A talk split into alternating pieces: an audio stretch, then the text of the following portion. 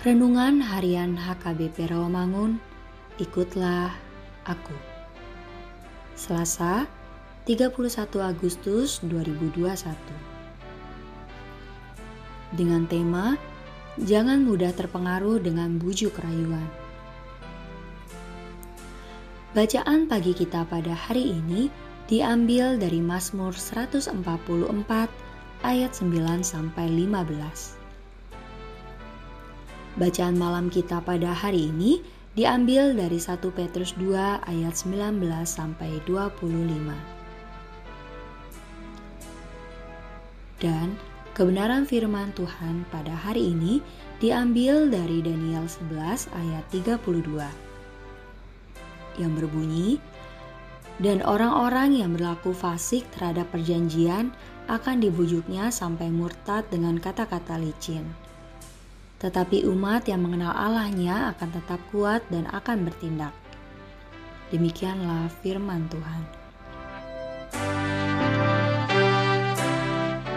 Di dalam renungan ini ada perlakuan dari pihak tertentu untuk membujuk, yang tujuannya untuk mempengaruhi yang dibujuk agar murtad.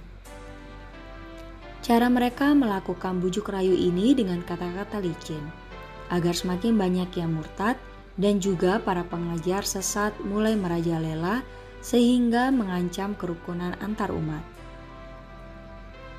Dalam hal ini, yang terpengaruh dengan rayuan tersebut adalah mereka yang masuk golongan orang fasik. Siapakah yang disebut dengan orang fasik? Yaitu orang suka membaca firman Tuhan, bahkan mereka ikut membahas firman Tuhan mereka sering mengkoreksi hidup orang lain, tetapi mereka sendiri menolak untuk dikoreksi oleh firman.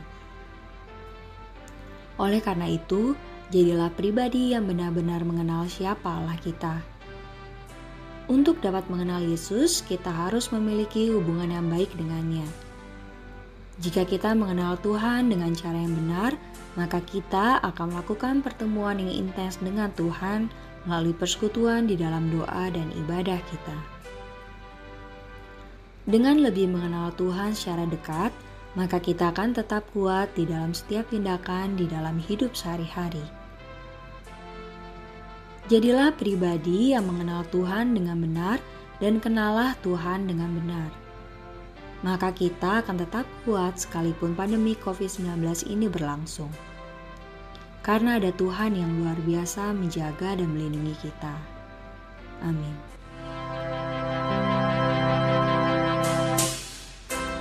Marilah kita berdoa. Ya Tuhan, kuatkan hati kami agar tidak mudah terpengaruh dengan bujuk rayu iblis. Jadikanlah kami pribadi yang mengenal Tuhan dengan benar, sehingga kami memiliki jati diri dan kekuatan hidup bersama Tuhan Yesus. Amin.